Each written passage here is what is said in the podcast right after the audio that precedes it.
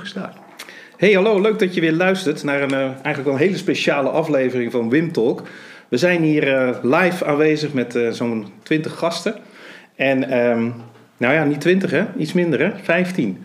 Ja, wel heel leuk, want er zijn mensen zelfs helemaal uit Groningen gekomen, Wim, om hier te luisteren. Die gaan twee uur in een auto zitten om hier bij deze live-opname te zijn. Ik, ik voel mij vereerd, maar ja, de druk is dan wel heel erg hoog. Hè? Als, als Groningers hier komen, dan uh, zo hé. Nee, maar wel heel erg leuk. Leuk dat jullie er allemaal zijn. En uh, ja, vanaf nu gaan wij gewoon gezellig met elkaar over een toch wel heel belangrijk onderwerp praten. Want het, het, gaat wel echt ergens over, vind ik. Ja, nou jij noemde het eigenlijk al een beetje in de voorbespreking. Roor heeft best wel een theologisch boek voor zijn doen geschreven. En we zijn nu aan het hoofdstuk 12 toe. En dat is eigenlijk wel een meest theologische hoofdstuk wat, wat in het boek tevoorschijn komt. Titel in het Nederlands, Wim? In het Nederlands, waarom is Jezus gestorven? Ja, ik maakte er al van, waarom moest Jezus sterven? En daar zit al gelijk dat theologische dilemma een beetje in, hè? Dat was een fout van mij. Nou ja, daar heb je al een aanname natuurlijk. Ja. Want dan ga je ervan uit dat er een, een, bepaald doel achter zat. Dat hij wel moest sterven. Nou, ik heb ook wel eens uh, wat gelezen over...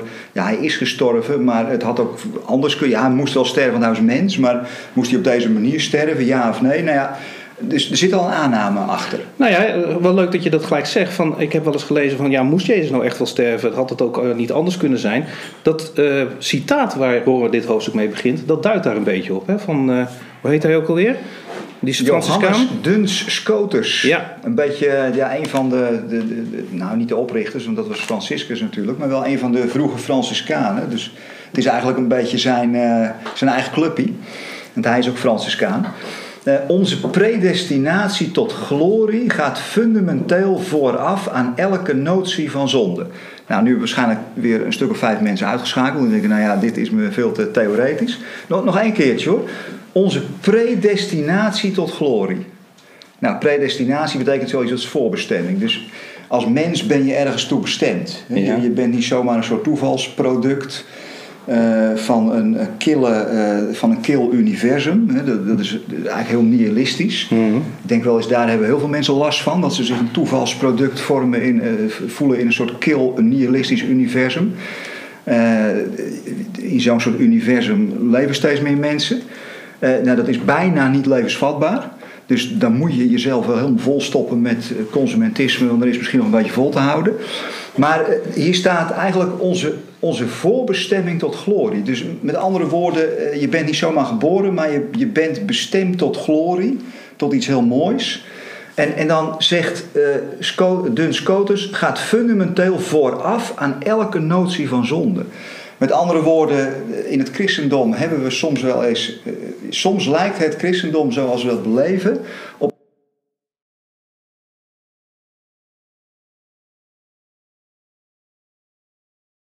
Ik zet hem weer aan.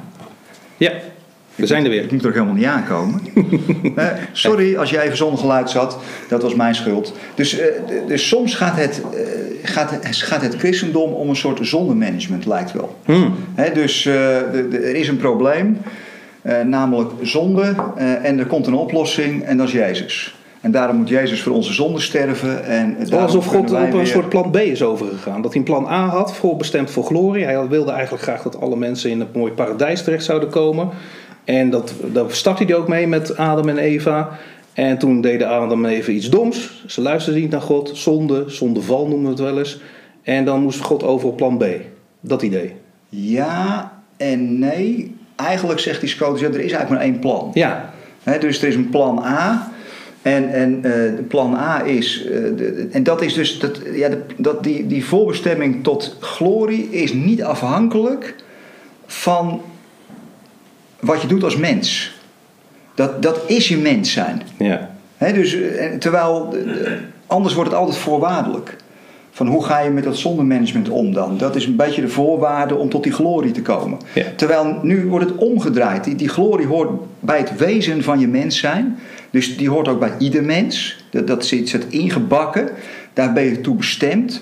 En, en, en, en je hebt te dealen met ja, de situatie op deze planeet waarin niet alles zo fantastisch gaat. En, en waarin dingen fout gaan en, en, en waar je zonde hebt. Ja, dus dit opschrift zet eigenlijk al een beetje de toon van waar Roor naartoe wil in dit hoofdstuk. Hij wil eigenlijk die zondeval losknippen van het wel of niet gered zijn, zeg maar. Dat was al bestemd. God had dat al bestemd. En het is niet zo dat die zondeval dat verpest heeft en dat God daarom van iets moest doen. Bijvoorbeeld Jezus naar de aarde sturen. Hè, want daar gaat het natuurlijk over. En uh, het lijden en het sterven van Jezus als een soort oplossing voor die zondeval. Ja, ja. Alleen je moet wel een beetje oppassen, denk ik, met het woord zondeval. Ja. Hè, want dat woord komt in de hele Bijbel niet voor.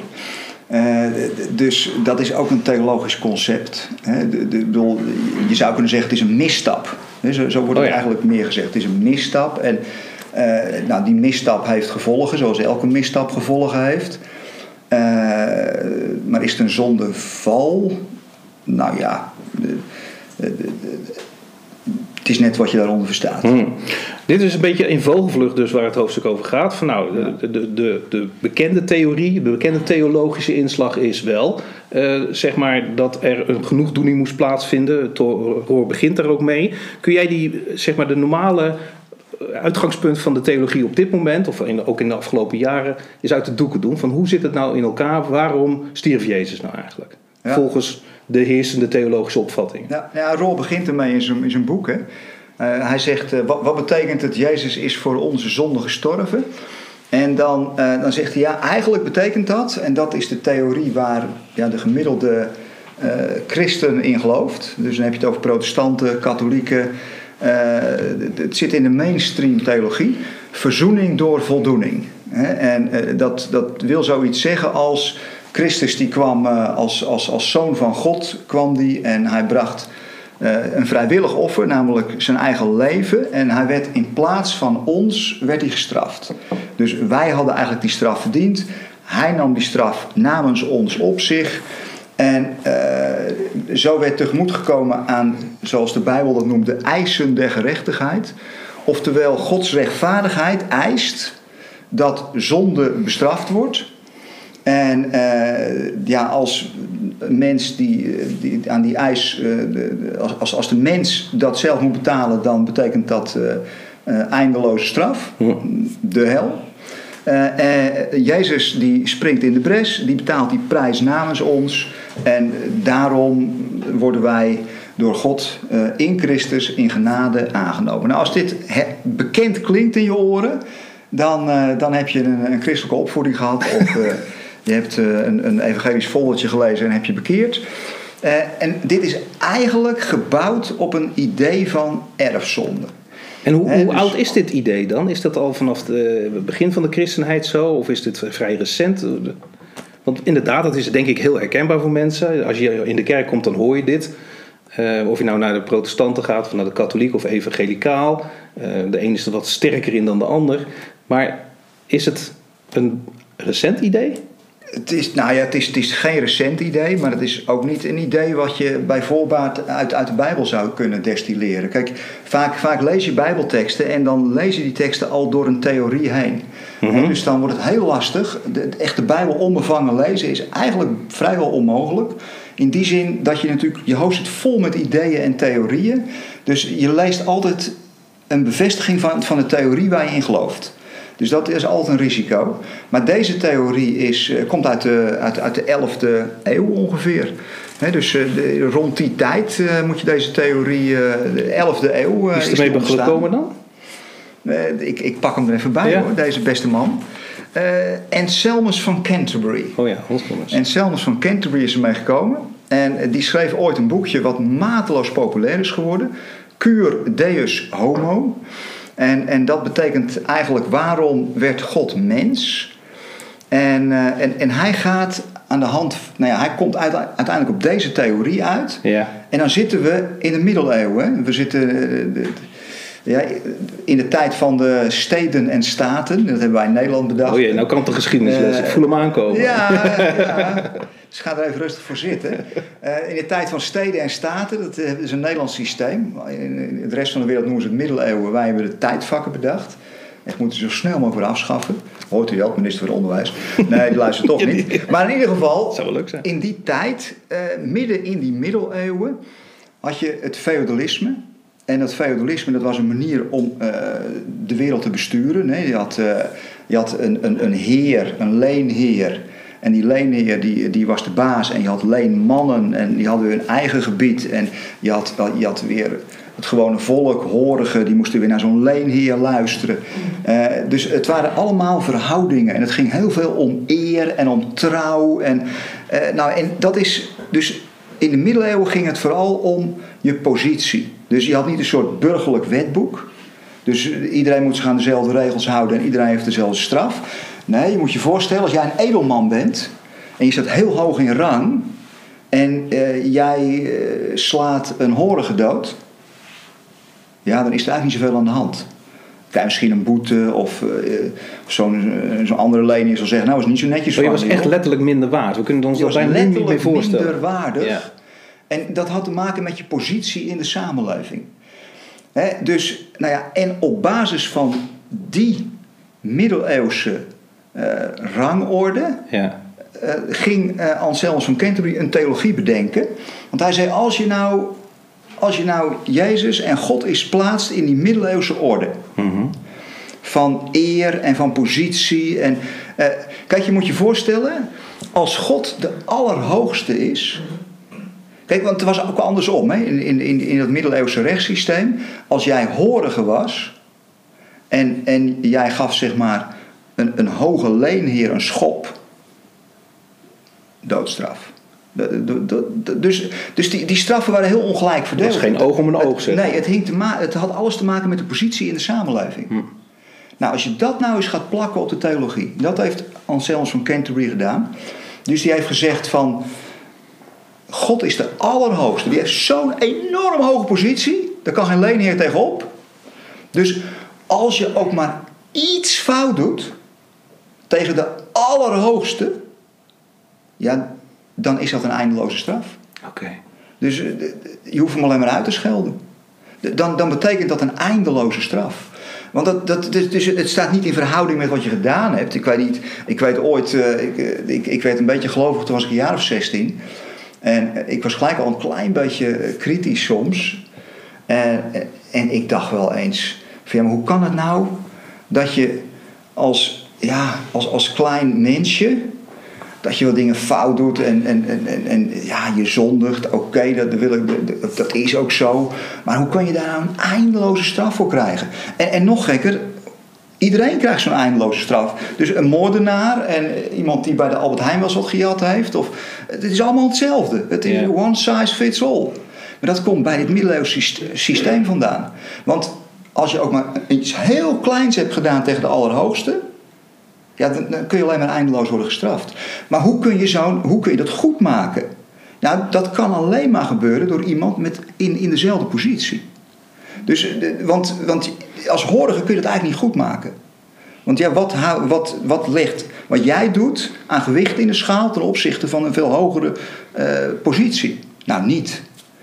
Dus, dus de enige die dat eigenlijk kan goedmaken, dat is iemand met een gelijkwaardige positie.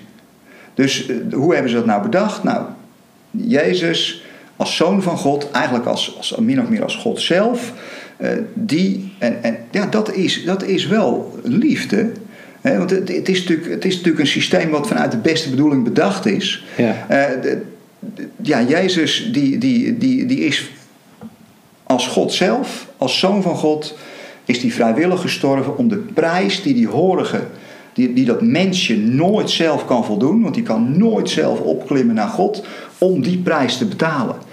En, uh, en, en zo hebben we een, een systeem gecreëerd van verzoening door voldoening. Dus de straf moet wel voldaan worden. Uh, wil God jou kunnen vergeven? En je noemde net zondigen, maar uh, hoe, hoe, is dat dan gebonden aan dat idee wat, wat ik net geen zondevol mocht noemen, maar een overtreding, wat Adam en Eva in het paradijs hebben gedaan?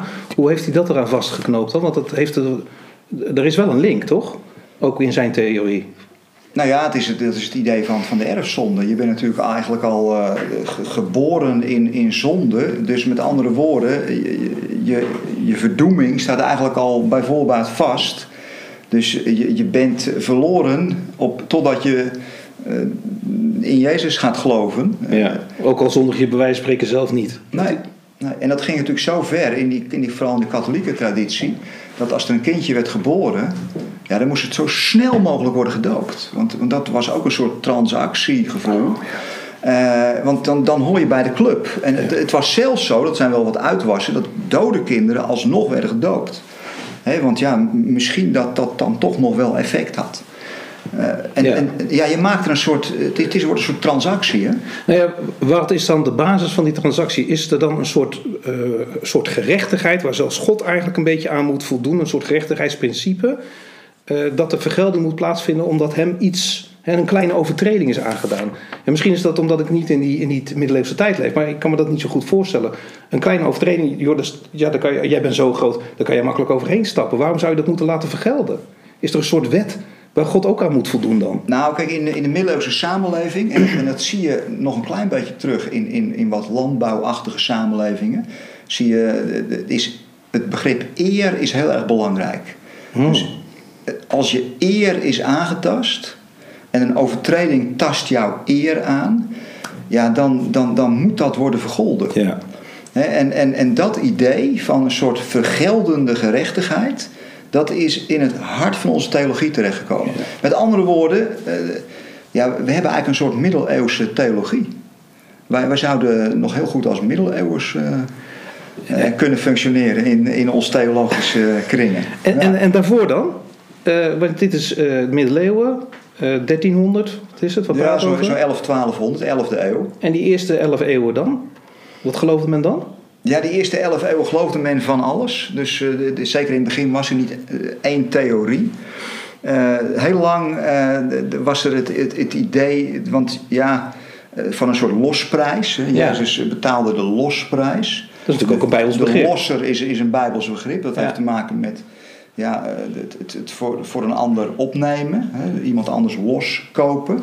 En het idee van de eerste duizend jaar was, zeker in de Oost-Orthodoxe kerk, was dat de losprijs werd betaald aan de duivel. Dus uh, de, de, de duivel heeft de, wereld in zijn greep. En uh, Jezus komt om, om de, de wereld te bevrijden van, van de, de Satan, zeg maar. En hij moest de losprijs betalen aan de duivel. Okay. Je, je kunt een beetje, kijk, bijvoorbeeld, waar haalt men dat bijvoorbeeld vandaan? Nou ja, op een gegeven moment gaat Jezus de woestijn in, die 40 dagen. En dan toont, uh, dan heeft hij een ontmoeting met de duivel. En dan toont de duivel om alle koninkrijken. En uh, die zegt van joh, buig voor mij en ik kan ze je zo geven. Nou, dat is ook aan hem om ze te geven blijkbaar. Nou ja, in ieder geval claimt hij dat. Of dat ja. zo is, dat is weer een ander verhaal. Maar hij claimt dat wel. He, dus nou ja, daar komt dat, dat verhaal vandaan. Ja. Dus een losprijs betaald aan de duivel, ja, dat is ook wel een, ja. iets dat. Nou ja, weet je, je komt wel tot een soort uh, dualistisch wereldbeeld. Uh, Wat bedoel je, ja, dualistisch? Nou ja, kijk, heb je dan twee goden? Ja, is dan Satan uh, net zo machtig of zo? Dat heb je natuurlijk bijvoorbeeld in het, in het Perzische geloof heb je dat. Hè? Daar, daar, daar heb je de god van het licht en de god van het duister. Nou, en, en het, het Perzische godsdienst, die, die heeft best wel wat invloed gehad uh, op, op dit soort Door al die vallingschappen ook van Ja, op dit ja. soort ideeën heeft het best wel wat invloed gehad. Hmm. Dus uh, nou ja, je kunt bijna, ik weet ooit, uh, heb ik die boeken van Piretti wel eens gelezen. Zeg dat jou wat, Piretti? Nee. Nou ja, Piretti was een Amerikaanse schrijver en die schreef allerlei boeken over, nou ja, over strijd tussen licht en duister en zo. Het is bijna een soort christelijke science fiction. En, en nou, als je die boeken las van die Piretti, Frank Piretti heette die volgens mij dan is het net alsof er twee goden bestaan. Je hebt aan de ene kant heb je God en aan de andere kant heb je Satan en die twee zijn met elkaar in gevecht. Om de wereld, om de heerschappij of zo. Ja, en, en nou ja, Peretti zegt dan uh, dat de, de, de, engelen aan beide kanten. Nou, het, is, het is echt uh, uh, een soort WK in Qatar. Zeg maar. Heel fout wat ik nu zeg. Kunnen we het eruit knippen? Maar in ieder geval.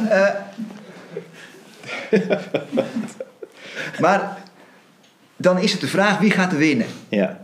He, en nou ja, het is natuurlijk geen dualisme.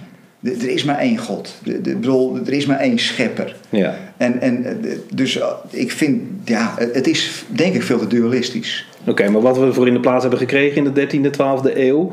Ehm, is nou ook niet heel erg fantastisch. Het idee dat God zo hoog is dat ook als je maar één overtreding treedt... Het je werd dan... er niet beter op. Nee, hè? Dus Nee, we zijn een beetje van de regen in de druk Misschien gegaan. de duivel weer uit de, uit de kast trekken. Maar wel, Ja. misschien is dat wel goed om nog even op in te zoomen. Want dat doet Roor ook. Van ja, tot welke misverstanden leidt nou dat geloof wat Anselm eh, verzonnen heeft, zeg maar. Of Anselmus heet hij, geloof ik, hè? Anselmus. Anselmus, van ik leg de Canterbury. klemtoon verkeerd. Anselmus, die zei van ja, eh, nou ja, dat, dat feodale systeem, God is zo hoog dat eh, je bij voorbaat eigenlijk kansloos bent als je een overtreding eh, begaat. Ehm, tot welke misverstanden leidt dat toch meer in het geloof? Ja, wat voor misverstanden. We zouden eens een lijstje moeten opstellen. En, wat, wat Nou, volgens mij doet de dat Nou ja, kijk, weet je, ik denk dat het, het leidt tot. Ja, God, God wordt een soort killpersoon. Dus eigenlijk trek je Jezus en God heel, heel ver uit Mhm. Je elkaar. zet ze eigenlijk tegenover elkaar bij. Ja. God is een, eh, is een soort boze vader. eh, die, die, eh, die zijn schepselen niet wil slash kan vergeven. Mhm. Hij is boos, hij is toornig, je moet voor hem oppassen. En de, de- ja, Jezus komt als een soort, ja, die, een soort eh, tussen, als een soort middel. Hij komt er tussenin Een staan soort om die, bliksemafleider. om die boosheid van God een beetje af te wenden. Ja. En eh, nou ja, dus je moet oppassen met God. Eh, Jezus, ja, dat is wel een toffe peer. Want, want die is liefdevol en die is aardig. maar, maar God, daar moet je mee oppassen. Ja. Hè, dus, en en, dan, dan hoor je ook altijd, tenminste dat heb ik altijd gehoord. eh, eh, van ja, God ziet jou in Christus. Maar zelfs dat vind ik al wat bedreigends hebben. Dus hij ziet mij, zelf, hij ziet mij niet. Eh, Want als hij mijzelf zou zien, zou hij dan nog steeds misselijk worden of boos worden? Of, eh, de- de- de- want hij ziet mij alleen maar in Christus. Eh, dus de- Christus wordt. Christus is de, ja, het is bijna een good cop, bad cop idee. Christus is de, de good cop ja. en, en God is de bad cop. En waar is dan de liefde, zeg maar? Ja, Jezus houdt wel van je. Die Ja. offert zichzelf op voor je. Ja. Maar het lijkt wel, dat- als je het nou over dualisme hebt, dan lijkt dat dualisme wel verplaatst van duivel God naar Jezus God. Ja, ja. Waarbij God, ja, ik durf het bijna niet te zeggen, maar wel die rol van de boosdoener bijna heeft. Nou ja, niet zozeer boosdoener, want wij zijn natuurlijk de boosdoeners. Mhm. Maar, maar wel als, eh, ja, als een, een vader die, eh, nou ja, ik, ik denk eh, dat hij toch problemen zou krijgen met de kinderbescherming. zeg maar. Ja, hij heeft zijn eigen Dat, zoon. eh, ja. ja. Als je, als je zo eh, met, je, met je eigen schepselen omgaat, eh, dan denk ik van nou, had er dan niet aan begonnen. Ja. Ja. hè? Ik moet ook even denken aan Roor, die zegt van, ik vind nog een, dat, wat Roor dan een heel groot probleem vindt. Hij zegt, als je dit zo gelooft, dan is dus geweld, hè, het offer van Jezus, noem dat maar even eh, geweld, en dat, is, dat lijkt me ook zo, de martel en het lijden, eh, dan leidt dat tot iets goeds. Dus er is sprake van noodzakelijk en goed geweld. En dat idee, dat zien we eigenlijk door de eeuwen heen terugkomen. Dat, eh, nou ja, dat gelovigen dat ook overnemen en denken, ja, het is voor een goed doel. Hè, het doel heiligt de middelen. Dus Ja. er bestaat zoiets als verzoenend geweld, om het zo maar te zeggen. Ja. Ja, hij noemt dat bevrijdend geweld. Eh, ja, nou, ik denk dat dat, dat absoluut een rol speelt. Eh, Kijk, als je, als je zo'n soort godsbeeld gaat creëren, dat God heeft geweld nodig, een zeer gewelddadig offer, een, een mensoffer. Terwijl je natuurlijk in de Bijbel behoorlijk wat teksten vindt die juist tegen mensoffers ingaan. Want het- het waren juist de, de volkeren rondom Israël die aan mensoffers deden. Dat, wordt, fel afgekeurd in het, in het Oude Testament. Dus dat is ook een van de redenen waarom het Jodendom zegt: van jongens, wat, wat is dat voor. eh, Wat is dat voor heidens gedoe eh, wat jullie doen? Eh, Jezus, daar kunnen we wel mee uit de voeten, want dat is, dat is een Joodse rabbi. Pas geleden hoorde ik nog, oh Amos Os was dat, die, die, die hield ergens een lezing. Wie? Amos Os, een Joodse auteur. Ja, hield ergens een lezing. Hij is al een paar jaar geleden overleden, maar ik zag die lezing op YouTube. Ja. En hij, hij haalde Jezus aan. En hij was het niet met hem eens op bepaalde punten. Hij was het niet met zei, aan. Ja, maar hij zegt, jongens, geen probleem. Hè, want wij Joden zijn het altijd met elkaar oneens. Dus niks aan de hand. Ja. Hè, maar eh, ja, hier, hier kunnen ze niks mee. En, en daar kan ik me wel iets bij voorstellen. Want eh, je creëert eigenlijk een soort heidens-Canaanitisch godsbeeld hiermee. Je stelt God eigenlijk op één rij met de heidense goden, die, die ook mensenoffers eisten. En die boos zijn en gesust moeten worden ja, met die offers. boos zijn, en- die gesust moesten worden. Ja. Dus je, je gaat he- het helemaal op diezelfde lijn plaatsen. ja. En stel je nou eens voor dat dat helemaal niet waar is. Ja, wat hebben we er dan voor iets vreselijks van gemaakt? Wat moet God En- niet beledigd zijn? En vind je het dan gek dat veel Westelingen, 21ste eeuwers, denken van ja jongen, wat is dat voor een bizar gedoe? Ja. En dan zeggen wij, ja maar dat is een mysterie. Ja, dan kun je wel stellen dat het een mysterie is. Maar wel een heel bloederig mysterie. Ja. Hè? Ja. Nou, ik vond ook leuk dat eh, Roor eh, zegt van ja, eh, en dat is denk ik ook wel een woord wat, wat centraal staat in dit hoofdstuk. Hij zegt, je maakt van iets wat eigenlijk transformerend bedoeld is, wat bedoeld is om je te veranderen, om je naar zijn beeld te, meer en meer te laten worden, maak je tot een transactie, tot een verkoop Ja. van een voort wat hoort wat. Kun je dat eens wat meer uitpakken, wat hij daarmee eh, bedoelt? Ja, hij zegt eigenlijk, zegt hij van eigenlijk, het, het wordt een soort transactie, het wordt een soort magie, hè, eh, een soort magische handeling. Eh, en ja, eigenlijk heb je dan genoeg aan de laatste drie dagen van het leven van Jezus. Of zegt hij op een gegeven moment, eigenlijk heb je genoeg aan de laatste drie uur. Want het, het, het enige, nu ga ik praten in de termen van transactie. Mhm. Het enige nuttige aan, je, aan Jezus leven was niet die 33 jaar. Eh, ja, Het was een aanloop. hadden we ook kunnen, dat was een aanloopje. Mhm. Hè, maar dat zijn die laatste drie uur. Want op, op dat moment vindt de transactie plaats. Van het lijden en het sterven van Jezus. Ja, nou, van de schuldbetaling Ja, eh, aan, aan God. Dus op dat moment vindt de transactie plaats. En omdat dat het beslissende moment is, want dan wordt de transactie gesloten. Het is ook een eenmalige transactie. Ja, ja dat is het. Je, je- vindt ook vaak, daarom kun je het, het hele, eh, dit, deze vorm van christendom past er makkelijk op een, op een A5'tje. Eh, ik zeg wel eens heel ondeugend als ik ergens eh, preek. Ik zeg, levensgevaarlijk. Ga niet zelf in de Bijbel lezen. Moet je niet doen. Als je gewoon keurig netjes wil blijven geloven wat je nu gelooft, hou die Bijbel dicht. gewoon, Jezus is in jouw plaats gestorven, daarom ga jij naar de hemel. Als je dat wil blijven geloven, niet te veel in de Bijbel gaan lezen. Want je raakt maar verward. En wat moet je met die eerste 30 jaar en al die mooie dingen die je gezegd hebt? Heb je toch allemaal niks aan? Want het is gewoon geloven in Jezus en bingo. ja, Ticket naar de hemel. Maar dat, dat is puur transactie. Ja. En dat is, ja, eigenlijk, als ik ook kijk naar, naar eh, de meeste liedjes die we zingen, moet je de teksten maar eens kritisch luisteren. Ja, eigenlijk, ik bedoel, je moet ze gewoon lekker zingen en helemaal niet kritisch luisteren. Eh, maar ik kan dat niet zo goed meer. Ik luister toch altijd stiekem. Doe ik bij popnummers ook hoor. Ik zit altijd te luisteren waar ik naar luister. Eh, maar in ieder geval, ja, dan zijn de meeste liedjes die we zingen zijn transactie. ja. En, eh, ja, en dan, dan zit ik me zo weer te verplaatsen aan mensen die die traditie niet kennen. Hè, die zomaar eh, eh, als seculier westers mens binnenkomen. En dan lezen ze over een bloedig offer en dank u voor het bloed. En dank. Ik denk van jongens, wat is dit voor een rare secte waar we in terecht zijn gekomen? Ik kan me er zelfs wel iets bij voorstellen. Ja, Als ik met die, die oren zit te luisteren van mijn leerlingen bijvoorbeeld. Hè? ja. Die denken van, eh, die hebben al gehoord, eh, ja beste leerlingen luisteren jullie stiekem, eh, dat wij Wim Talk doen. Er zijn een aantal leerlingen die zeggen, maar we luisteren ook wel eens. Ik zeg, nee, je moet hier niet doen, want je is niet de doelgroep. Nou en?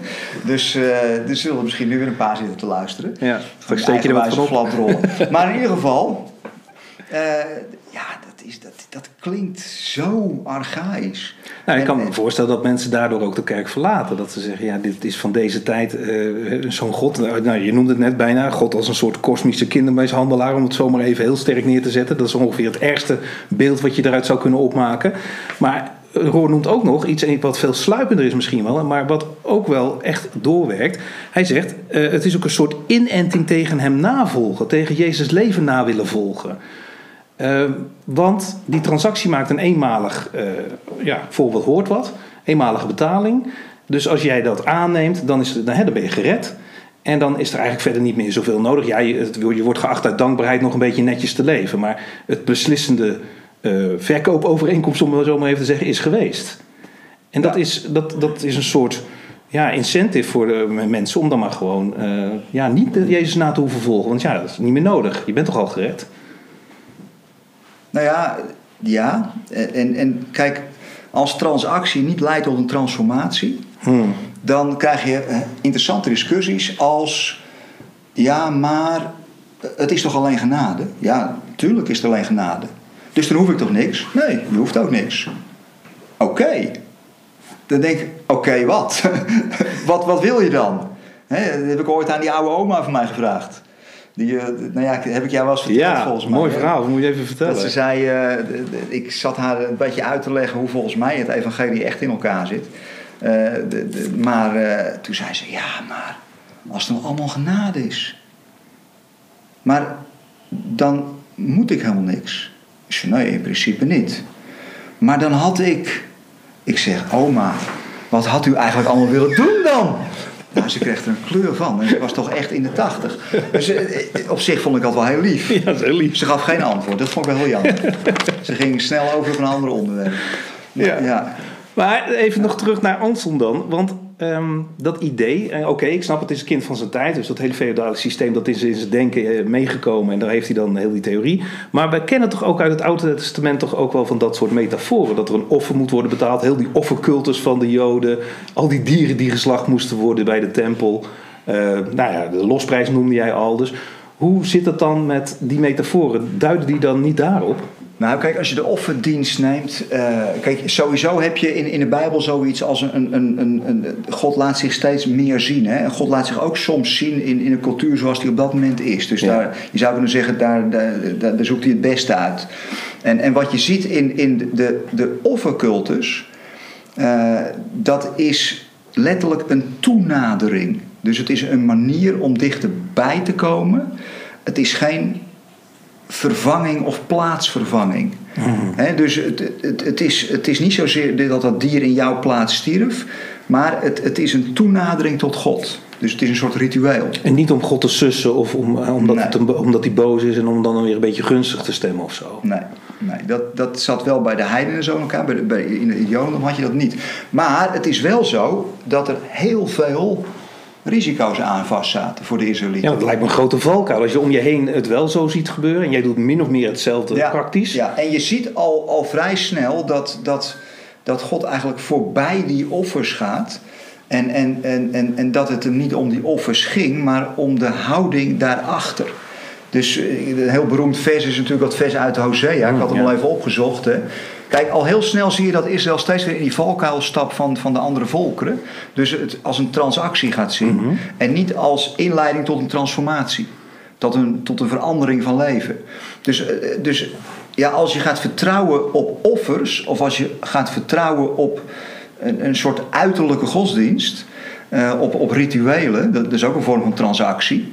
Uh, dat, dan, dan zit je hart er niet bij. En, en dan mhm. ben je eigenlijk ja, alleen maar heel oppervlakkig bezig. En, en dan lees je bijvoorbeeld in Hosea 6, daar staat er. Want, eh, ik noem maar even een vertaling, de MBG-vertaling. Er zijn heel veel andere vertalingen. Maar het is de meest gangbare voor ons in ieder geval nog. Mhm. Want in liefde heb ik behagen, niet in slachtoffer. In kennis van God en niet in brandoffers. Met andere woorden, als het er echt op aankomt. Dus je, zou kunnen zeggen. Uh, ja, een, een, een primitieve vorm van godsdienst zit nog in de transactiegedachte. Mhm. Dus uh, de, daar begint het mee. Maar uiteindelijk groei je daarvan uit naar een transformatie-idee. Dus je zou kunnen zeggen, uh, die, die, die, die, slachtoffers, uh, die brandoffers, nou, ze worden niet per definitie afgekeurd. Het is een manier van toenadering, zoals het in die cultuur gebruikelijk was. Maar uiteindelijk is het helemaal niet noodzakelijk. Nog gekker, eh, misschien helemaal niet zo wenselijk. Eh, en dat vind je hier al. Hier vind je al een doorkijkje in Hosea. Waar God zegt, ja maar in liefde heb ik behagen. Hmm. Ik, ik wil relatie. Ik wil geset. Ik, ik wil welbehagen. Daar heb ik welbehagen in. Ik, ik wil partnerschap. Want vanuit die uh, relatie ontstaat wel transformatie. De relatie. Alleen vanuit relatie ontstaat transformatie. Ja. hoe moet het op een andere manier ontstaan? Uh, dus, dus, en, en vanuit transactie, ja, is maar de vraag of er ooit relatie ontstaat. Ja. Ik vond ook zo mooi dat, uh, kwam dat in het vorige hoofdstuk wat we behandeld hebben over het, het avondmaal, de Eucharistie. Uh, dan gaf hij nog het voorbeeld van dat Jezus zei: Kijk, nou ja, dat Jezus die Eucharistie instelde en daarmee liet zien dat juist in tegenstelling tot die andere volken, waarin ze eigenlijk God te eten moeten geven, hè, die offers moeten brengen, om het zo maar te zeggen, en dat voor God, dat God zichzelf geeft tot een offer en wat wij dus eten. Eigenlijk letterlijk in het avondmaal, dat Jezus zegt: Dit is mijn lichaam, uh, eet dit. Ja, ja. Een hele eigenlijk op zijn kop zetten van dezelfde cultus, maar dan met een hele andere insteek eigenlijk. Um, hij komt er volgens mij op terug, want hij zegt... Uh, dat mythe van dat verzoenend geweld, dat escaleert, dat wordt steeds heftiger. En het alternatief, dat is wat Jezus is komen voorleven. Dus daarom vindt hij het leven van Jezus zo belangrijk. Dus het alternatief was het opvoedende en de helende straf. Ja. Kennen wij dat ook, een helende, opvoedende straf? Zit dat bij ons in het... Ja, wel in de gewone maatschappij natuurlijk, als we mensen opsluiten. Dat is bedoeld om, ja, niet alleen als vergelding, maar juist ook om te heropvoeden. Maar kennen we dat ook in ons geloof nog een beetje? Of zijn we dat helemaal kwijtgeraakt? Nou, hij, hij zegt, hè, eerst zegt hij Jezus als mythe van bevrijdend geweld. Dus mm. dat voldoening, uh, verzoening door voldoening. Hij zegt, ja, wat dan wel? Nou, ja, Jezus betaalde de prijs in zekere zin. Want, want hij kwam hier op aarde, hij ontledigde zich, hij werd volkomen mens. Mm. En hij ging min of meer kapot aan, aan, aan onverschilligheid, aan liefdeloosheid. Hij leefde het, het volledige liefdevolle leven en, en hij, hij botste eh, tegen een stuk onwil aan. En hij gaf vrijwillig zijn leven voor ons. Maar ja, Roor noemt dat niet zozeer het bevrijdende geweld, maar bevrijdende lijden. Dus met andere woorden, hij zegt Jezus stopte eigenlijk, uh, hij, hij stopte die cirkel van geweld. De, de, de, ja, ik denk, we, we, we, hadden met elkaar al stiekem afgesproken dat we dit hoofdstuk in tweeën knippen. Mm want uh, anders gaat het echt te lang duren. Uh, ja, zeker als je nog naar Groningen moet, gaat het echt te lang duren. Hoor, zodat het tweede deel van het hoofdstuk ook nog moeten. Dus die doen we in, in het tweede deel. Ja. Maar daarin uh, citeert hij ook, uh, ja, hoe heet onze vriend René Girard. René Girard heeft een prachtig boek geschreven, meerdere boeken geschreven, waarin hij zegt van Jezus die maakt eigenlijk een einde aan de offeropvattingen van, vanuit het religieuze denken. maar dus Jezus stopt eigenlijk de eindeloze cirkel van geweld. waar hebben mensen al behoefte aan? Toch maar een heel klein uh, voorschotje op René Girard. Uh, mensen, normaal gesproken, je zoekt de schuld altijd buiten jezelf. Mm Dus uh, moet je maar eens opletten. heel, als, als er iets gebeurt en het zint je niet helemaal, dan zoek je altijd even een verontschuldiging. Die ligt altijd buiten jezelf. Ja. En dat doet een samenleving ook. Maar als je met elkaar, als je elkaar dan de schuld gaat geven, ja, dan ontstaat er ruzie. En, en voor je het door hebt, uh, sla je elkaar de hersens in. Ja. Dus wat is nou het meest ideale? Dat je één groep de schuld kunt geven. Perfect. Dan geef je die groep de schuld, de zondebok. En dat, die kun je dan straffen. En tegelijkertijd zijn wij allemaal onschuldig. En dat verbindt ons met elkaar. Een soort mechanisme. Een soort mechanisme waar, waar je eigenlijk door de hele geschiedenis heen ziet. En wat zegt Girard? Nou, wat doet Jezus nou? Hij breekt die cirkel van geweld door het allemaal in zichzelf op te nemen. Uh, breekt hij die cirkel. Eh, neemt hij als het ware, absorbeert hij dat, dat in zichzelf. Maar goed, dit is te kort door de bocht hoor, dus daar moeten we nog eens rustig ja, dat gaan we zeker nog even doorpraten. Uitpakken, volgende keer. Maar het is wel belangrijk in dit stukje dat hij zegt: het leven van en het onderwijs van Jezus is dus veel belangrijker dan wij, dat wij tot nu toe zeg maar, in onze theologie um, uh, geloven en, en begrijpen. Want juist dat leven en het onderwijs van Jezus gaat over dat lijden en dat, ja, dat jezelf inzetten om die cirkel te doorbreken van geweld. Ja. Dat betekent natuurlijk toch al wat voor het leven als christen. Ja, dit, dit, dit is geen goed nieuws. Voor, nee. uh, in zekere zin, in die zin wel goed nieuws, aan de andere kant weer geen goed nieuws. Kijk, uh, Paulus zegt op een gegeven moment ergens: Ik heb deel aan het lijden van Christus. Wat is dat voor een rare uitspraak? Nou, dat is geen rare uitspraak. Ja, Jezus heeft toch al geleden? Want Jezus, dat is toch al klaar? Ja. Nee, Jezus nam eigenlijk die cirkel van geweld op zich. Dus bij hem stopte het en dan ging hij zelf aan kapot. Hmm. Nou ja, als je zo in het leven staat. Dus eh, je, je, je doet niet mee aan die cirkel van geweld. Je doet niet mee aan die struggle for life. En, en je, je staat daar buiten. Raw zegt trouwens, ik, ik, ik zie dat heel veel, maar weinig bij christenen. Hij noemt dan uh, Martin Luther King, hij noemt uh, Simone Weil, hij noemt meer voorbeelden. ja, dan, dan heb je als het ware deel aan het lijden van Christus. Ja. En hij zei, ja, dat, dat, dat is niet altijd leuk. En, en je wordt ook niet altijd begrepen. Nee. maar goed, ook dit is weer, daar moeten we de volgende keer eens even rustig bij stilstaan. Ja, dan gaan we wat meer kijken dus, naar wat de eh, Franciscaanse school er ook ja, tegenover ja, hè, de volgende ja. keer. Ehm, ik wil nog wel even door de laatste stuk over wat zijn nou die gevaren van dat beeld. Als, als je bij dat denkbeeld van verzoening door voldoening blijft in, in deze tijd. En misschien kun je ook wel wat voorbeelden noemen uit geschiedenis of recente geschiedenis. Wat dat, ja, wat dat in ons denken en ons dagelijks doen en handelen uit kan werken als je niet oppast. Ja, misschien is het goed om eerst nog één, één stapje terug te zetten. Want Mhm. kijk, hij zet er wel iets tegenover. Je hebt nu eh, eigenlijk die, die, die wrekende gerechtigheid van God. Ja? Dat is wat wij oordeel noemen. Eh, en dan wordt dan soms gedaan alsof dat oordeel is in de Bijbel. Hè? Oh, ja. Nou, en ja, dat, dat, ben ik, dat, vind, dat, dat vindt Rover niet, maar dat ben ik hardgrondig met hem eens. Kijk, je hebt, je hebt een andere vorm van oordeel in de Bijbel. En eh, die is niet zo christelijk, maar is wel heel erg joods. Eh, en dat is niet zozeer wrekende gerechtigheid, Mhm. maar dat is een soort restauratieve gerechtigheid.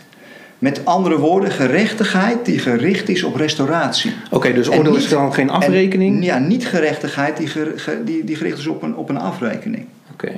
En als je dat eenmaal gaat zien, zie je het overal. Dus overal in de Bijbel zie je, er- er komt oordeel totdat, Mm. totdat, Mhm. totdat. Dus er komt altijd weer een herstel. En wat blijkt, dat herstel is altijd de bedoeling geweest van het oordeel. Ja. Dus, dus, dus oordeel heeft in die zin heeft een restauratieve functie. Eigenlijk zoals je dat ook in je gezin doet. Ik bedoel, je gaat je kinderen ook niet straffen als vergelding. Je probeert ze iets mee te geven en te leren. Ja. Dus, dus hij, hij noemt als, als grote voorbeeld noemt hij Ezekiel 16. Nou ja, dat, dat moet je eigenlijk, eh, als je dit thuis luistert, moet je maar eens even rustig lezen. Eh, geen vrolijk hoofdstuk. Het begint wel heel vrolijk. Mhm. Eh, dan komt er een middenstuk, eh, dat moet je niet lezen vlak voordat je gaat slapen. En dan het einde, dan komt er een oordeel over Jeruzalem. Er is al een oordeel over Sodom, een oordeel over Gomorra. Nou, Sodom en Gomorra zijn echt het, het ultieme kwaad in de Bijbel, zeg maar. Ergens in het boekje Judas, laatste boekje voor openbaring. Daar staat dat Sodom ligt gevangen in, in banden van eeuwig vuur. Dat is een beetje Sodom, zeg maar. Zo, zo staat het daar. Mhm. Maar wat lees je dan in Ezekiel 16? De- ja, Sodom, gevan, eh, vuur, eeuwig. eh, ja, eh, maar het is net eh, hoe je dat interpreteert. Want in Ezekiel 16 gaat het over een herstel van Sodom. Dus dat was altijd de bedoeling. Eh, dwars door die omkering heen van Sodom en al dat vuur komt er een herstel van Sodom. En dat herstel van Sodom wordt gekoppeld aan het herstel van Jeruzalem. Dus, eh, dus je zou kunnen zeggen, op een gegeven moment zegt Rohr zegt, eh, hoe straft God? Door nog meer lief te hebben. Mhm. En, en dat kan ook bijzonder irritant zijn. Als, als jij een, een, een hekel aan iemand hebt en die persoon heeft jou alleen maar nog meer lief, Ja. ja, dan word je nog bozer. Je zou hem bijna doodmaken. Ja, dat is precies wat er met Jezus gebeurde. Dus dat is dus God straf door nog meer lief te hebben. Want, want hij is liefde. Ja. Dus een andere soort straf bestaat er niet. En, en eh, uiteindelijk werkt dat helend. Dwars, dwars door werkt dat restauratief. Nou, dat is oordeel. En, en, en, en ja, dat is geen eindafrekening. Een eindafrekening heeft voor mij toch weer iets. eh, eh, ja, er zijn toch wat meer heidense trekjes. zeg Ja. maar. Ja, dus er zit eigenlijk een heel heidens idee in ons geloof. In wat we in de kerk beleiden soms. Zit een, een, een kern die heel heidens aandoet, om het zo maar te zeggen. Nou, ik zou het in een podcast nooit zo hardop zeggen. Hè? Maar, eh, want ja, wie weet wie dat allemaal hoort. Maar je zou het wel een beetje denken. Ja. Nou, en misschien ja. is het dan leuk om even dat citaat wat Roor daarover zegt, eh, Oh, ja. over, het, eh, over het kruis. Ja, ja, ja. Ja, hij zegt eerst, zegt hij, eh, deze theorie, waar we het nu al een tijdje over hebben, is voor velen een nagel aan de doodskist van het geloof geweest. Nou, het zou wel eens leuk zijn om eens mensen te vragen van, joh, mensen die het, het christendom min of meer de rug hebben toegekeerd. Wat voor soort christendom heb je dan de rug toegekeerd? En Mhm. wat voor soort God geloof je daar niet meer in? Het kon als een compliment zijn voor ze. Ja. Dat ze daar niet meer in geloven. Ja. Hé, maar hier staat... eh, sommige christenen onderdrukken hun ongenoegen over deze theorie... omdat ze bang zijn anders hun volledige geloof kwijt te raken. Ik weet, ik had een keer wat gepost op, eh, op Facebook... Dat doe ik wel eens naar aanleiding van deze podcast. Dan zet ik ze er even op. En, dan, eh, en toen eh, in, in een of andere groep. Ik, ik ken die groep helemaal niet, maar dat leidde tot, tot, tot vrij felle discussies. Dat gebeurt vrij snel op social media, dat de discussies heel fel worden. Ja. Dus ik heb me ook niet in de discussie gemengd. Maar op een gegeven moment kon ik toch de verleiding niet weerstaan. Eh, want eh, ja, er was iemand en die postte... Ja, maar als je dit luistert, raak je je geloof kwijt. Oh, En toen eh, heb ik gereageerd. Ik zei, nou, de- de- hallo, ik ben een van de makers van de podcast. En eh, mijn ervaring is dat je nog een geloof als een mosterdzaadje overhoudt. Eh, en ja, toen reageerde zij er weer op. Nou, ik niet. Nou ja, oké, dat, dat kan. Dus, maar ja, hm. bang zijn om je geloof kwijt te raken. Ik kan me dat wel voorstellen. Kijk, als je natuurlijk heel duidelijk van dit is mijn systeem, op deze manier heb ik het een beetje logisch in mijn hoofd. Hm. En als je dan plotseling allemaal dingen hoort die er niet bij kloppen, dan denk je van ja, maar wacht even, wat klopt er dan wel? Het hart van God, dat klopt. ja. Maar een theorie niet. Een theorie klopt niet. Nou ja, we hadden het net even zijdelings over de implicaties. Als je nou het anders gaat zien en je gaat dat oordeel als, nou ja, wat jij zegt, dat Jezus eigenlijk het lijden op zich neemt en dat wij aan dat lijden gaan deelnemen op het moment dat je Jezus gaat navolgen, dat is natuurlijk ook wel een spannende. Want dat zou betekenen dat als jij echt Jezus wil volgen in die, eh, in die transformatie, eh, dat je dus ook je lijden Ja. gaat overkomen en dat je die cirkel van geweld ja, Ja, maar in je op gaat nemen. Ieder mens overkomt toch lijden? Ja. Ik bedoel, het is toch niet zo dat, dat Jezus voorkomt dat je lijden overkomt? Nou, er zijn een hoop kerken waarin. eh, Eh, ja, dan zit je wel vol, voller, vollerst evangelisch. ja, Hè, ik bedoel, elke zonde, elke ziekte is een zonde, zeg maar. Maar ja, dat is, zijn toch ook wel, ook, wel, ook wel uitwassen, vind ik, een beetje. Eh, ik word daar toch al soms wel heel succesvol hoor. Eh, ja, zeker, zeker. Ja, nou ja, natuurlijk is dat succesvol, want het is een soort, eh, een soort magisch denken. En, en wie wil er geen lijden overkomen? En als dan ja, op een bepaalde manier geloven je garantie geeft dat er geen lijden overkomt. Ja. Ja. Eh, zijn, ja, maar dat is natuurlijk flauwekul, als ik heel eerlijk ben. En dat werkt alleen maar totdat het niet meer werkt. Dus de achterdeur is meestal even groot als de voordeur. Eh, alleen de achterdeur is niet zichtbaar en de voordeur is heel zichtbaar. Ja. ja. Dus, dus lijden overkomt ons allemaal. Alleen, dit zet lijden wel in een bepaald perspectief. Eh, ja, wij lijden mee met deze schepping. Eh, maar het, zijn, het is wel barensnood. Dat ook nog eens een keer. Het is geen doodstrijd, maar het is barensnood. Het is de, de geboorte van iets nieuws. Eh, zou je kunnen Het past zeggen. ook heel goed bij, weer bij dat transformeren natuurlijk. Dat het een proces is waarin Ja. iets moois ontstaat. En je vindt natuurlijk, als je, als je, de, als je de Bijbel een beetje gaat lezen met deze bril op. Dus neem bijvoorbeeld de graankorrel, eh, die, die, die, die moet eerst sterven voordat die vrucht kan dragen. Ja. Maar zo is het vaak natuurlijk bij een mens ook. Vaak zit je in een bepaalde fase van je leven en denk je, jongens, kom op, en nog een beetje harder, en nog een beetje, een soort doe-het-zelf geloof. Eh, en, en soms moet je eerst een, beetje te- met je hoofd tegen de muur aanlopen voordat je open staat voor het feit dat er een muur is. Mhm. En, en, en dat dat zeer doet. En, en dat eigenlijk die zwakheid je kracht is. In een bepaalde fase van je leven wil je juist sterk zijn. En dan zeg je, "Joh, kom op jongens, we gaan nog even door. Hè, Ik weet dat ik eh, voor een groep jongeren wel eens gezegd heb... eh, ja, dat was een beetje gemeen hoor. Ik zeg, eh, jongens, die die waren heel evangelisch. Dus hartstikke goed hoor. Ik zeg, jongens, gewoon doe, doe nog wat beter je best. Je moet, beter, je moet Jezus nog beter navolgen. What would Jesus do? Kom op, je kunt het. En dan over een paar jaar, dan spreken we elkaar weer. Over een jaar of tien of zo. En dan kijken of het gelukt is. Heb je ze nog hè? gesproken? Sommigen, ja. Wat is er van ze terechtgekomen? Nou ja, sommigen die zijn inderdaad hun geloof wel een beetje kwijtgeraakt. In ieder geval in die Jezus. ja. In dus, die eh, Jezus. Ja. ja. Ja. Hebben ze ook een andere Jezus mogen ontmoeten? Ja, het- het, het, is, het is een langzaam proces. Ja. Ja. Ja, dat is een van de belangrijkste, denk ik, die, die Roor nog aan het eind van dit gedeelte van het hoofdstuk zegt. Hij zegt ja, eh, het gevaar van verzoening door voldoening is dat je eigenlijk niet in staat bent te geloven in onvoorwaardelijke liefde. En dat is volgens mij ook wel een kern wat, wat voor ons natuurlijk ook geldt. Van ja, die onvoorwaardelijke liefde, daar geloven we echt in. Maar als je blijft geloven in een transactionele, waarin God genoegdoening eist, ja, dan, is die niet, dan heeft hij niet echt onvoorwaardelijk liefde. Dan stelt hij juist voorwaarden aan liefde. Nou ja, het is eigenlijk nog gekker. Want als God betaald wordt, dus alle onze overtredingen zijn uiteindelijk afgerekend. Ja, omdat Jezus betaald heeft? Heeft hij dan ooit wel iets vergeven? Hm. Nee, dat is geen vergeving. Kennelijk zijn al die teksten in de Bijbel over eh, God die onze zonde vergeeft, die zijn hol van binnen. Want hij heeft niks vergeven, hij is gewoon betaald. Hij moet niet zeuren. Hetzelfde als, bij de, als, als je bij de supermarkt komt en, uh, en, en altijd heb je op de pof dingen mogen meenemen en uiteindelijk reken je af. Ja. Heb je dus nooit wat op de pof meegenomen, want je, je hebt gewoon uiteindelijk betaald.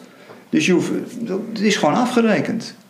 Dus je ontneemt eigenlijk door deze theorie God van, van een van zijn basiseigenschappen: vergeving, barmhartigheid. Ja. Helemaal niet. Hij eist gewoon gerechtigheid en hij eist genoegdoening en hij eist een bloederig offer. Dus het is hartstikke voorwaardelijk. Er, is, er zit helemaal niks gratis bij.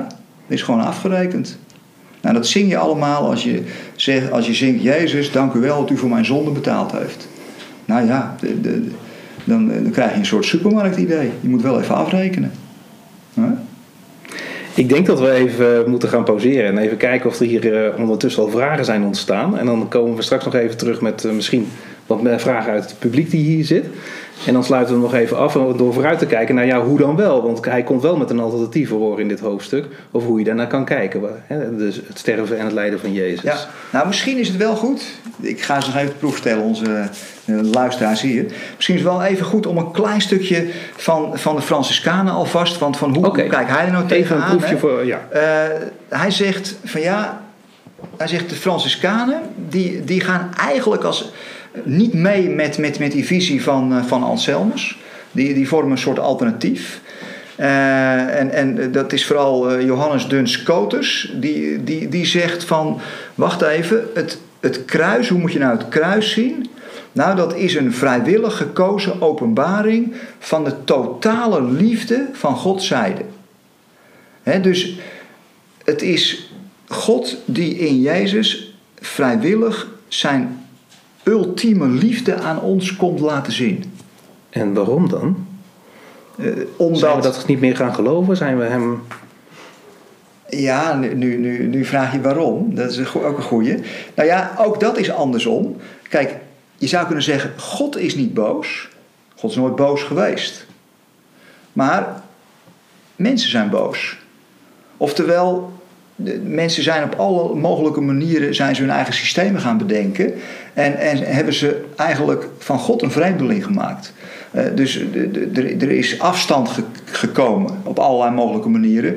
En, en, en misschien wel een, een, een vorm van uh, verkilling. Hmm.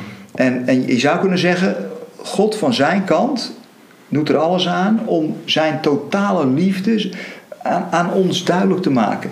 En, en daarom komt hij zelf. Uh, in de persoon van Jezus. Dus het is de totale liefde van Gods zijde. Dus Duns Scotus zegt dan, het is eigenlijk een normale, het is een omkering van, van de natuurlijke orde geworden. Wat was de natuurlijke orde geworden? Uh, je moet proberen offers te brengen om de goden goed gezind te maken. Ja. En, en wat doet God? Hij komt eigenlijk zichzelf als een soort offer brengen aan ons, om ons goed gezind te maken. Om ons te overtuigen van zijn liefde. Dus je draait de zaak volkomen om. Ja. Uh, dus het is, het is Gods uiting van zijn stromende liefde. Dat, dat, dat is het kruis, dat, dat is Jezus. Ja. Uiting van zijn liefde.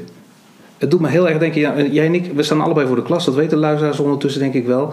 Het doet me heel erg denken aan de fase waarin die pubers vaak verkeren. Die gaan jou als de vijand zien. En je probeert ze iets mee te geven, eigenlijk vanuit een stuk liefde. Of denk als dat je ouder bent en je hebt pubers in huis. En op een gegeven moment zeggen ze, ja, ik hoor het bijna letterlijk zeggen, je probeert me klein te houden en je geeft me te weinig verantwoordelijkheid en ik wil gewoon wel zelf tot vier uur s'nachts thuiskomen en waarom al dat gezeur. En ze gaan jou een soort, tot een soort vijand maken. En ze gaan het met hun vrienden uitzoeken en daar lekker mee overleggen. helemaal niet. Nee, nou, ik wel. Ben jij voor een vader? Uh, Oké, nee, maar ja. Nou, maar ik kan me die. eh, Nou, ik zit me een beetje in te leven in die rol van God dan. Maar eh, je probeert die liefde te geven. Maar je kan dus op een gegeven moment vanuit een soort onmacht. Dan zou je wel willen zeggen: hoe moet ik nou bewijzen dat ik echt van je hou? Dat ik het voor jou best wil wil.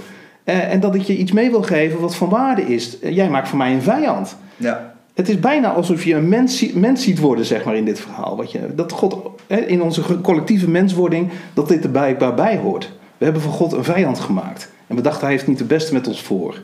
En God probeert te laten zien dat dat niet waar is. ja. Nou ja, ik, ik denk dat je de spijker op zijn kop slaat. En ik, Nou, dan stoppen we nu. Ja. Nee, maar eh, dat, dat is het. En, en dit is misschien nog wel aardig, en dan gaan we echt stoppen. Eh, van, ja, Rek je die les ook altijd zo, of niet?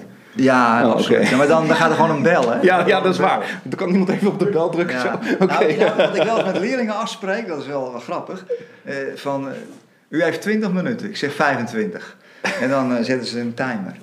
Ja, dat werkt fantastisch. Nou, Carolien. Nee, eh, nee, maar op een gegeven moment zegt hij liefde, want liefde kan niet gekocht worden. Want dat zit ook in deze theorie, hè? voldoening door verzoening. Ja, als, alsof God gaat liefhebben als die betaald wordt. Ja. Alsof je een soort munt in een automaat stopt en, en dan komt er plotseling liefde uit als, als je maar betaald hebt. Het, het, het, het is bijna, het is een beetje pervers eigenlijk als je er goed over na gaat denken. Ja. Dus liefde kan niet toch. Probeer zo eens met je partner of met die leerlingen om te gaan. Voor jongens, jullie krijgen allemaal 10 euro. Maar dan heb je me wel lief, hè? Nee meneer, 15 euro. Ik oké, doen we niet lullig over? 15 euro. Ik- per uur. Oké, per uur. Denk aan het feodaal systeem. Het mag iets Ja. meer zijn. En, en, en ja, dus dat, dat, dat heeft al, allerlei problemen als je er een beetje logisch Ja, als je te over na gaat ja, denken. dan- Moet je ze ook niet doen, hè? Nee. Het is gewoon een mysterie. Oké, stoppen we hier dan kun je het blijven geloven. Anders niet. We zetten hem even stil. Ja. Dankjewel trouwens voor het luisteren thuis. En eh, ja, tot de volgende keer. Of tot zometeen, want er komt nog een soort eh, aanhangsel met wat, met wat vragen. Yes, tot de volgende keer. Vragenronde. Eh, we zitten nog steeds op de live-opname van de podcast. En er zijn mensen die hebben wat vragen op een briefje geschreven. En daar willen we graag nog even op ingaan. Ik denk eh, de eerste en belangrijkste vraag is eigenlijk wel wat we genoemd hebben: plan B en plan A. Hè? Dat is even aan de orde gekomen. Als dit nou niet plan B is, wat is dan plan A eigenlijk? Ja, Kun je het eens voorlezen? Wat de wat vraag is Gods, wat is, eh, Gods plan met dit alles? Plan A. Mijn eerste opmerking zou zijn, als ik, dat precies wist, dan zou ik God zijn. Dus eh, de- die, die pretentie heb ik niet. Het blijft een mysterie. Maar nou ja, het, het, het- ik denk wel eens Albert Einstein die zei ooit: eh, of, je gelooft, eh, niet, of je gelooft niet in wonderen, of je gelooft dat alles een wonder is. Er zit eigenlijk niet zo heel veel tussenin. We, we leven natuurlijk in een universum, in in een, op een planeet. Nou, als je even om je heen kijkt, ja, dan is alles eigenlijk één groot wonder. Ja. Het feit al dat je bestaat is een wonder. Het feit dat je bewust bent is een wonder. Dus eh, ja, eh, dus wat dat betreft, plan A. Nou ja, in het Oosters christendom, dat is dan wel aardig. In het, in het Westerse christendom eh, kennen ze dat eigenlijk niet meer. Maar in het Oosterse christendom is het doel eigenlijk, dus zeg maar plan A is, dat noemen ze deificatie. Oftewel, als God worden. Dus met andere woorden, eh, Jezus zegt ergens, eh, ze zullen worden gelijk ik ben.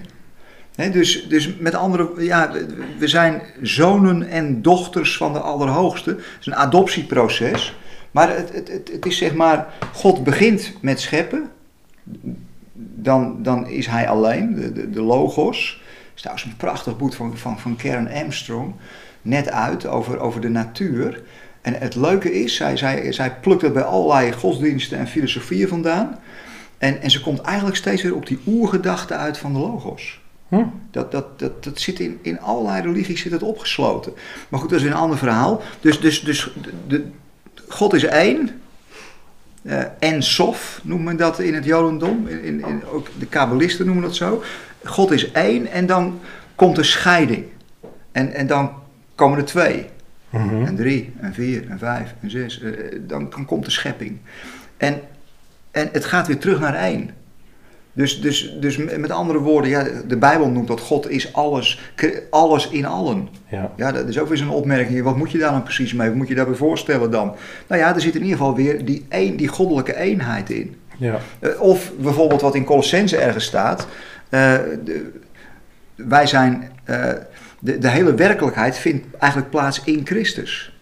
In Hem leven wij. In Hem bewegen wij. Heb je je ooit wel eens afgevraagd? Dat, dus deze, dit hele universum bevindt zich in Christus. Bevindt zich in die logos. Dus als je vraagt wat is er buiten het zichtbare universum? God. Ja, Want nou ja, in God. kijk, Roor noemt het panentheïsme. Mhm. Kijk, pantheïsme is alles is een beetje, alles is eigenlijk God. Ja. Nee. En ja, het is panentheïsme. Dus, dus God overstijgt de werkelijkheid, maar de werkelijkheid is wel, is, is wel heilig. ja. Het is heilige grond het is, waar, waarop je Het is staat. onderdeel van God. God is niet het is een beperkt. manifestatie van God. Ja.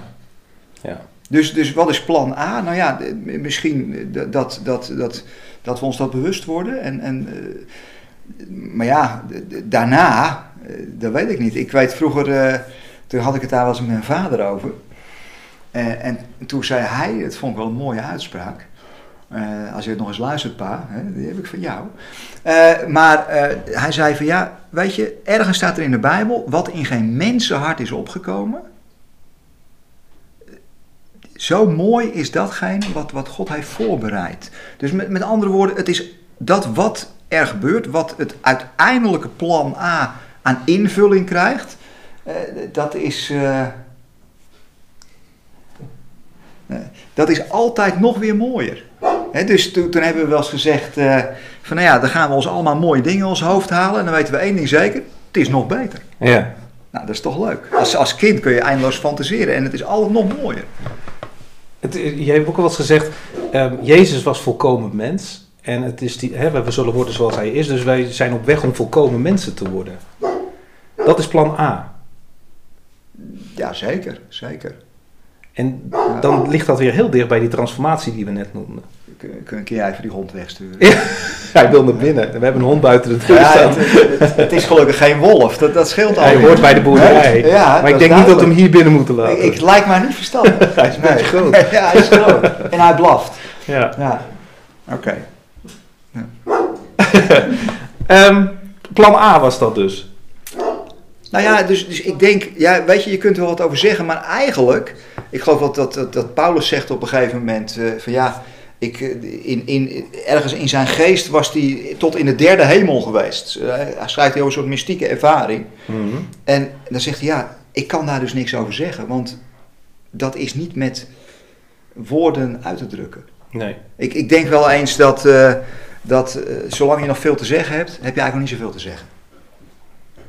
De- Nou heel filosofisch. nou ja, mi- mi- misschien is, eh, misschien is stilte, hè, de, de- ergens in spreuken staat, de wijze. Wanneer ben je wijs? Als, als je zwijgt, dan ben je wijs.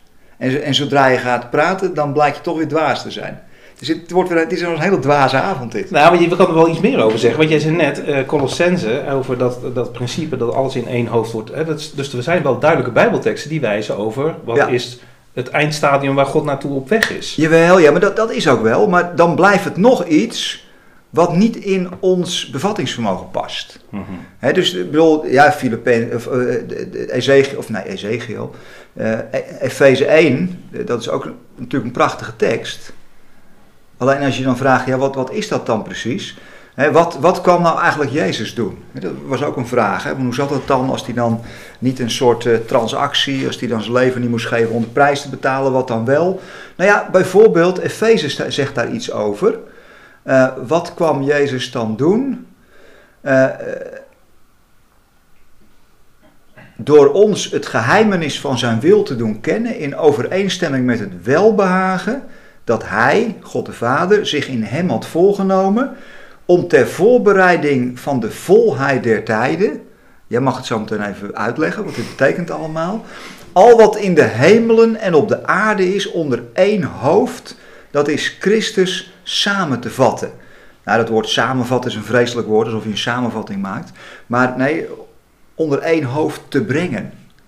Dus dat is uiteindelijk het doel. Dat is die volheid der tijden. Nou ja, de, de, ja dat is die volheid der tijden. Dus het, het werkt wel ergens naartoe.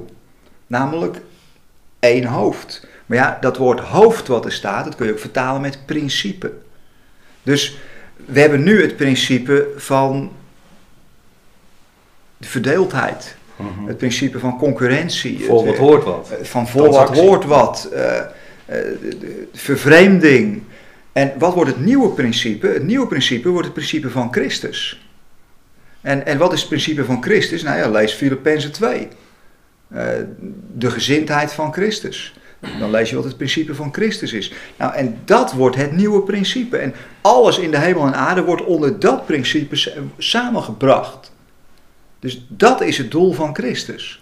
Dus het doel van Christus is niet, kan ik een aantal christenen een ticket naar de hemel bezorgen en de rest van de aardbewoners, die andere 5 miljard, nou ja, dat is dan restafval. Maar nee, het doel van Christus is veel, veel omvattender. Dat, dat, het houdt de hele kosmos in, dat principe van Christus. Ongelooflijk hè, om daarover na te denken en te praten. Je kan het je niet voorstellen wat dat precies dan inhoudt. Maar wat dat nou precies inhoudt, ja, Mhm. dat past niet helemaal in ons verstand. Nee. Dat, dat, dan kunnen we iets, soms kunnen we iets daarvan beleven, zeker in de natuur. Kun je, of in een mooi muziekstuk, of bij een goed glas wijn. Of dan kun je even iets beleven van, van die ultieme eenheid. Ja. Prachtig.